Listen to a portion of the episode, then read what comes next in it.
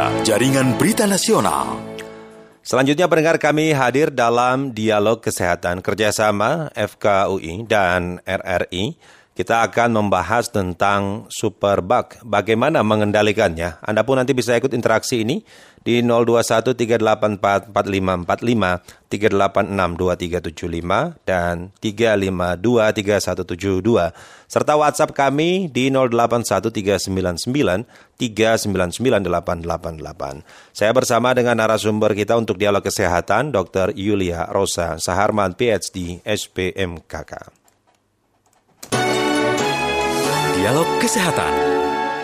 Selamat pagi, Dok Yulia. Selamat pagi, Mas Bayu. Salam sehat selalu, Dok ya. Salam, Salam sehat. sehat selalu. Dok, sebelum Ya. kita masuk pada konteks superbug untuk mengendalikannya, mungkin kayak ibarat pepatah begitu ya, tak kenal maka tak sayang superbug. Ini sebenarnya eh, jenis mikrobakteri seperti apa mungkin gitu, Dok? Iya, terima kasih Mbak Bayu. Assalamualaikum warahmatullahi wabarakatuh. Waalaikumsalam warahmatullahi wabarakatuh. Iya, kita sekarang ini kalau kita lihat pemberitaan kemarin-kemarin ya Mas Bayu ya, itu beberapa eh, media eh, memberitakan tentang fenomena superbug yang ada di India. Mm-mm. Nah, mungkin ini eh, merupakan salah satu eh, daya tarik nih. Kenapa nih superbug ini baru ke- kelihatan? Apa maksudnya baru eh, nongol nih beritanya? Jadi sebenarnya superbug itu merupakan kalau kita bisa istilahkan kalau lihat bug ya bug itu kan jenis serangga kalau harfiahnya. Nah ini kita konotasikan kepada bakteri. Jadi kita tahu mikroorganisme atau mikroba itu kan ada bakteri, ada virus, ada jamur. Nah superbug yang sekarang ini itu lebih kepada bakteri. Nah kenapa dikatakan superbug? Itu lebih kepada bakteri-bakteri yang sudah kebal terhadap antibiotik yang mestinya membunuhnya dia. Mm-mm. Jadi eh, antibiotik yang kita berikan itu sudah tidak mempan lagi, tidak bisa membunuh eh, bakteri-bakteri ini. Makanya kenapa kita eh, buat istilahnya seperti eh, sebagai superbug. Seperti itu Mas Bayu. Iya. Jadi ketika superbug ini yang sudah tidak mempan lagi dengan antibiotik yang biasa diberikan, Iya. begitu diresepkan gitu, Dok ya. Iya, betul, betul, betul. Untuk mengenai penanganannya itu, Dok. Jadi gimana lebih baiknya? Nah, sebenarnya penanganannya ini kalau kita lihat asal usulnya. Jadi kita mau eh, mungkin saya jelaskan sedikit asal usulnya kenapa bisa menjadi superbug ya. Iya. Jadi bakteri ini sebenarnya kalau dari dulu-dulu itu semuanya sama spesiesnya. Kalau kita bilang salah satu spesies ini saya contohkan aja yang paling banyak misalnya E. coli, Escherichia coli, atau Klebsiella pneumonia. Sebenarnya spesies ini sudah ada dari dulu. Tetapi eh, mungkin nanti seperti eh, film-film ya, bakteri-bakteri ini yang eh, dulunya bagus dan bisa dibunuh oleh antibiotik itu bermutasi, bermutan. Jadi dia berubah bentuk eh, genetikanya secara eh, genetik seperti itu. Sehingga walaupun spesiesnya sama, nah dia tuh sudah berubah dan tidak dikenali lagi oleh antibiotik yang biasa kita gunakan. Nah ini biasanya sering terjadi pada penggunaan antibiotik yang tidak tepat. Tidak tepat ini maksudnya bisa underuse, jadi antibiotik yang eh, eh, apa namanya tidak tepat dalam penggunaan, dalam eh, hari pemberian, atau yang overuse yang terlalu berlebihan, sedikit-sedikit minum antibiotik dan sebagainya seperti itu. Nah ini eh, yang menyebabkan bakteri-bakteri yang dulunya sensitif, yaitu masih rentan yang bisa kita bunuh, itu mati. Tetapi bakteri-bakteri yang sudah bermutasi ini, yang sudah kebal ini malah berkembang biak, bertambah banyak. Nah, sehingga ketika kita meminum antibiotik, itu sama sekali tidak bisa kita uh, musnahkan atau kita tidak bisa bunuh, uh, kita uh, eradikasi bakteri-bakteri tersebut. Nah, seperti itu sih sebenarnya asal usulnya, Mas Bayu. Mm-mm. Singkatnya berarti seperti ketika diberi obat kayak nggak ngefek begitu ya dok ya? Iya, betul sekali. Nah ini eh, seperti eh, jenis-jenis penyakit apa saja begitu dok? Sebenarnya jenis penyakitnya itu bisa macam-macam. Macam-macam. Itu bisa mengenai ya. Asal eh, dan itu terutama pada infeksi. Itu kita berbicara infeksi ya. Ya. Karena kita berbicara antibiotik berarti kan eh, pasien-pasien itu ada infeksi yang akan kita eh, bunuh mikroorganisme penyebabnya itu dengan antibiotik. Nah, penyakitnya itu bisa macam-macam, bisa mulai dari penyakit pada paru, pneumonia, kemudian bisa eh, penyakit eh, luka, operasi periksa luka, atau eh, infeksi saluran kemih. Pokoknya infeksinya itu bisa macam-macam. karena uh, mikrobanya itu bisa bermutasi semuanya dengan infeksi tersebut. Dan yang paling berat sekarang ini, kenapa dikatakan juga superbug adalah terutama infeksi-infeksi yang pada pasien-pasien kita yang di rumah sakit. Pasien yang sudah lama dirawat, pasien-pasien di ICU, kemudian pasien-pasien yang sudah uh, mempunyai komorbid dan mempunyai resiko tinggi. Nah, itu yang sangat rentan sekali terkena infeksi oleh uh, superbug ini. Hmm. Sedangkan jika uh, terindikasi demikian, penanganannya berarti bukan lagi dengan memberikan antibiotik ya dok ya? Tetap memberikan antibiotik, tetapi antibiotiknya itu sudah levelnya sudah tinggi mas. Mm -mm. Sudah levelnya sudah tinggi, kemudian juga dengan harganya mungkin sudah lebih tinggi dari harga yang biasa seperti itu. Mm -mm. Dari segi harga pun juga sudah iya. beda ya. Iya. Dok, kalau tadi sempat disinggung begitu yang bisa terkena demikian itu karena kayak penggunaan antibiotik yang tidak tepat mungkin demikian. Ada faktor-faktor lain lagi dok yang bisa membuat superbug ini eh, terserang kepada kita. Ya, sebenarnya yang utama sekali adalah masalah antibiotik. Ini kebetulan saya berbicara seperti sekarang ini mengenai antibiotik ya, uh, yang utamanya karena November ini, di akhir November nanti itu ada namanya bulan kewaspadaan terhadap antibiotik. Jadi bulan kesadaran dalam uh, penggunaan antibiotik kita. Hmm. Jadi uh, utamanya superbug ini muncul karena penggunaan antibiotik yang tidak tepat. Yang pertama yang paling banyak nih kita jumpai, misalnya nih Mas Bayu, uh, ketika orang demam, orang merasa ini demam ini merupakan satu infeksi.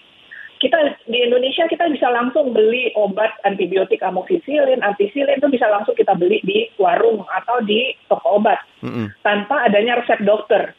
Padahal sebenarnya demam ini bukan bukan penyebabnya itu bukan bakteri, bisa virus atau memang sistem pertahanan tubuh kita. Hmm. Atau misalnya kita pilek, pilek sakit tenggorokan seperti itu kan, kemudian sakit kepala kita langsung uh, membeli antibiotik, amoxicillin yang paling banyak sekali. Nah, uh, apa namanya? Dan penggunaannya pun juga seperti itu. Misalnya uh, ketika kita diberikan antibiotik oleh dokter, yeah. Uh, kemudian uh, kita udah merasa enakan, baru satu hari dimakan, terus kita udah stop. Nah ini juga nggak bisa, nggak boleh. Ini juga memicu terjadinya supermak tadi. Hmm. Jadi intinya adalah yang utama, yang sekali adalah penggunaan antibiotik yang tepat. Hmm. Jadi jangan terlalu sedikit karena ada batasnya nih antibiotik. Biasanya minimal kita harus habiskan lima hari atau sesuai dengan petunjuk dokter. Kemudian jangan digunakan sembarangan sebagai obat pilek, obat demam, atau obat batuk. Kemudian juga jangan berlebihan. Jadi jangan sampai bisa satu bulan atau tiga bulan minum ya. antibiotik tersebut seperti Baik. itu. Pola konsumsinya juga ya dok ya. Dok ada iya. ada penanya kita nih dok dari Pekanbaru. Saya terima Pak Arif. Halo Pak Arif. Halo Pak Arif. Halo Pak. Ya langsung pertanyaannya Pak Arif. Oke Pak, ini ada tiga pertanyaan kembali. Siapa nama ibu kita tuh? Ya, Dokter Yulia. Dokter Yula Bu. Ya. Iya Pak. Uh, yang pertama, uh, berapa lamanya kita boleh memakai antibiotik itu? Lamanya ya oke. Okay. Uh, berapa lama? Yang kedua, ya. Uh, apa aja efek sampingnya kepada tubuh kita? Efek samping, oke. Okay. Ah, yang ketiga, apa antibiotik yang paling yang paling ringan efek sampingnya kepada tubuh kita? dan okay. apa pun yang paling berat. Ah. Baik, terima kasih ya Pak Arif nanti dijawab. Uh, baiklah pendengar, dok kita tahan sejenak ya dok. Ya. Pendengar saya bersama dengan Dokter Yulia, kami akan kembali untuk sesi dialog kesehatan setelah yang berikut ini. Kilas Berita.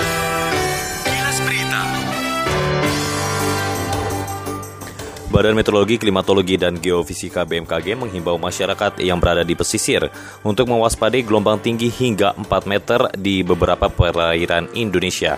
Kepala Pusat Meteorologi Maritim BMKG Eko Prasetyo mengharapkan adanya gelombang tinggi hingga 4 meter tersebut bisa berpotensi terjadi pada tanggal 9 hingga tanggal 11 November 2022. Informasi ini dan informasi lainnya pendengar dapat mengakses di laman resmi kami rri.co.id.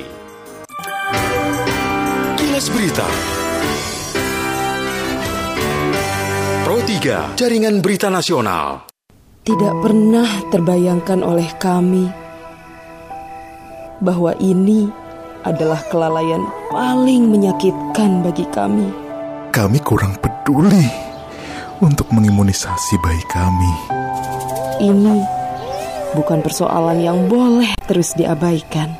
Kami abai memberikan imunisasi PCV pada buah hati kami hingga radang paru menyerang buah hati kami. Data menunjukkan radang paru atau pneumonia merupakan penyebab utama kematian pada anak di Indonesia. Setiap harinya 2 sampai 3 anak meninggal disebabkan radang paru atau pneumonia. Ayo, berikan imunisasi PCV pada anak usia 2, 3, dan 12 bulan, serta lengkapi imunisasi lainnya di posyandu, puskesmas, atau fasilitas layanan kesehatan lainnya. Pesan ini dipersembahkan oleh Kementerian Kesehatan Republik Indonesia. Dialog Kesehatan. Dialog Kesehatan kerjasama FKUI dan RRI, kita membahas tentang Superbug, bagaimana mengendalikannya bersama Dr. Yulia Rosa Saharman, PhD, SPMKK. Dok, tadi ada pendengar kita Pak Arif begitu ya, berapa lamanya memakai antibiotik, termasuk pula eh, efek samping, dan yang paling ringan mungkin efek samping maupun yang paling berat juga efeknya. Silakan dok. Ya, terima kasih Pak Aris. Ini pertanyaannya uh, sangat menarik dan ini juga merupakan salah satu dari kunci dari superbug kita. Berapa lama antibiotik?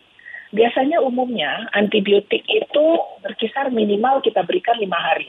Jadi kalau uh, kita ke dokter atau ke puskesmas, biasanya akan akan diberikan selama uh, waktu lima hari itu minimal. Dan itu harus dihabiskan itu saya tekankan di sini Mas Bega harus dihabiskan. Jadi hmm. jangan sampai tidak dihabiskan. Nah, untuk uh, maksimalnya itu tergantung dari penyakitnya lagi. Ada yang sampai satu minggu cukup diberikan kalau memang infeksinya ringan. Kalau infeksinya berat itu bisa sampai uh, dua minggu. Atau yang sangat berat sekali, misalnya di rumah sakit itu bisa sampai uh, uh, lebih dari itu. Jadi itu tergantung dari tingkat infeksinya seperti itu. Itu antibiotik yang biasa. Tapi kalau misalnya tuberkulosis, kalau kita berbicara tentang infeksi tuberkulosis TBC, kita berikan antibiotiknya itu sampai enam bulan. Kita bisa berikan seperti itu. Jadi semuanya itu tergantung dari tingkatan infeksinya dan jenis infeksinya. Kemudian uh, yang kedua efek samping ke tubuh. Efek samping ke tubuh ini uh, saya rasa macam-macam ya, uh, ada tergantung dari tubuh kita sendiri. Yang paling umum adalah alergi yeah. ya alergi yang gimana kita tidak cocok ya pasti gatal, kemerahan dan sebagainya. Kalau uh, efek samping lainnya itu tergantung dari antibiotiknya. Ada yang mempunyai efek samping ke hati atau efek sampingnya ke ginjal seperti itu. Nah, kalau yang paling ringan, nah ini nih agak uh, susah juga saya menjawab efek samping mana yang paling ringan. Karena ini kembali lagi ini tergantung kepada tubuh kita, Mas Bayu. Jadi saya nggak bisa menyebutkan mm -hmm. kalau uh, antibiotik A ini adalah yang paling ringan, antibiotik B itu yang paling berat itu nggak bisa karena tidak sama nantinya efeknya pada tubuh kita. Jadi semuanya tergantung pada uh, tubuh kita sendiri, tubuh pasien. Karena misalnya saya, saya bisa pakai, uh, saya terus terang saya tidak bisa pakai golongan amoksisilin. Kalau pakai amoksisilin saya tuh langsung gatel, bengkak, merah dan sebagainya. Alergi. Tapi ya, mungkin ya? saja, iya, iya. Tapi Mas Bayu sih enggak kan? Bisa aja pakai amoksisilin. Jadi memang tidak bisa kita uh, apa namanya tidak bisa kita samaratakan samaratakan. sampai itu. Iya. Ada masing kita. Iya, ada juga dok pertanyaan dari WhatsApp ini dari Ibu hmm. Aminah yang ada di Gorontalo yang ditanyakan Ibu Aminah, dok, uh, apakah ketika minum antibiotik tidak habis uh, karena sudah sembuh lalu disimpan dan dikonsumsi ketika sakit terjadi lagi uh, oh iya selang waktu dua bulan begitu dok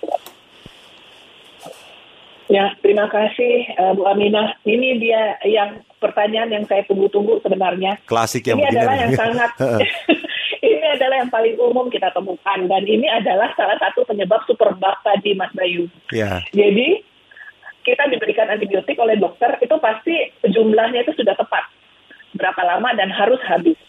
Kalau seandainya dua ibu tidak menghabiskan karena merasa uh, kita sudah enak badan, mungkin tidak udah tidak demam lagi atau tidak pilek lagi, kita stop mungkin dua hari atau tiga hari. Nanti pas dua bulan dengan penyakit yang sama, itu belum tentu bisa sembuh dengan antibiotik itu. Nah, siapa tahu infeksi yang kedua bulan kemudian itu ternyata oleh superbug karena penggunaan dari antibiotik yang sebelumnya yang tidak sesuai dengan uh, apa namanya sesuai dengan aturannya hmm. seperti itu. Jadi direkomendasikan nah, ini, jangan dok ya, atau gimana? Jangan, jangan. Habiskan. Kalau ibu uh, mendapatkan antibiotik, misalnya diberikan oleh dokter harus habis lima hari, harus habis lima hari. Kalau habis harus habis tujuh hari, harus habis tujuh hari. Dan jangan disimpan lagi untuk tabungan untuk uh, apa namanya untuk sakit berikutnya. Belum tentu sama, karena belum tentu sama seperti itu. Baik. Ada lagi pendengar kita Pak Dullah dari Jakarta ini. Halo Pak Dullah. Halo.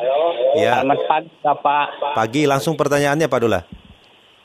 Enggak, saya suka batuk-batuk, ya. pilek.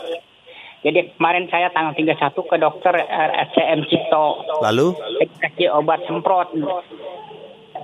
Dari mulut buat semprot nih. Okay. Obatnya disamol, disamol obat semprot. Apa yang mau ditanyakan maksudnya nih?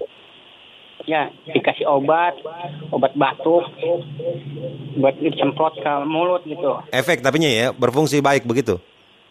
Baik ya. Oh iya. Oke, baiklah kalau gitu. Makasih ya Pak Dula ya. Disemprot ya dong. Sebenarnya kayak nggak ada iya. pertanyaannya iya. sih dong. ya bilang dikasih obat semprot, baik mungkin begitu ya dong. Tapi, Tapi apa? mungkin ini ada kuncinya juga sih Mas uh Bayu ya. Iya. Karena batuk-batuk, pilek itu belum tentu itu infeksi dan belum tentu antibiotik. Itu tadi kan uh, yang dikatakan obat semprot itu lebih kepada ternyata batuk-batuk pileknya mungkin ada gejala asma. Ya. Makanya diberikanlah uh, apa namanya obat untuk melancarkan atau mengencarkan dahaknya atau melancarkan uh, pernafasannya seperti itu. Nah, dan tidak diberikan uh, antibiotik kan? Ya. Dari Pak. Kan obat semprot aja Pak Dulat tadi itu. Baiklah. Dok, uh, di waktu yang singkat ini ya dok dari penjelasannya ini semoga bermanfaat untuk semua yang mendengarkan apalagi mengenai superbug ini uh, ibaratnya kayak lebih baik mencegah kan begitu dok daripada mengobati begitu dok apa yang ingin dipesankan kepada pendengar kita silakan dok Iya, saya ingin uh, sedikit memesan, uh, memberikan ini kepada pendengar kita sekalian. Superbug ini bisa kita cegah, superbug ini bisa kita kendalikan. Kunci utamanya adalah yang pertama, uh, kendalikan uh, tepat dan bijak menggunakan antibiotik. Jadi antibiotik jangan diminum sembarangan, antibiotik digunakan sesuai indikasinya, kemudian lama pemberiannya juga harus sesuai dengan resep dokter. Jadi jangan uh, kita stop sendiri, jangan kita makan obat sendiri seperti itu. Nah itu kunci utama dari uh, pencegahan dan pengendalian dari superbug ini. Baik. Dok, terima kasih dok untuk kebersamaan kita dialog kesehatan kali ini dok. Terima kasih sama-sama Mas Bayu. Assalamualaikum warahmatullahi wabarakatuh. Waalaikumsalam warahmatullahi wabarakatuh. Dr. Yulia Rosa Saharman, PhD, SPMKK dari Departemen Mikrobiologi, Dialog Kesehatan kerjasama FKUI dan RRI. Dialog Kesehatan.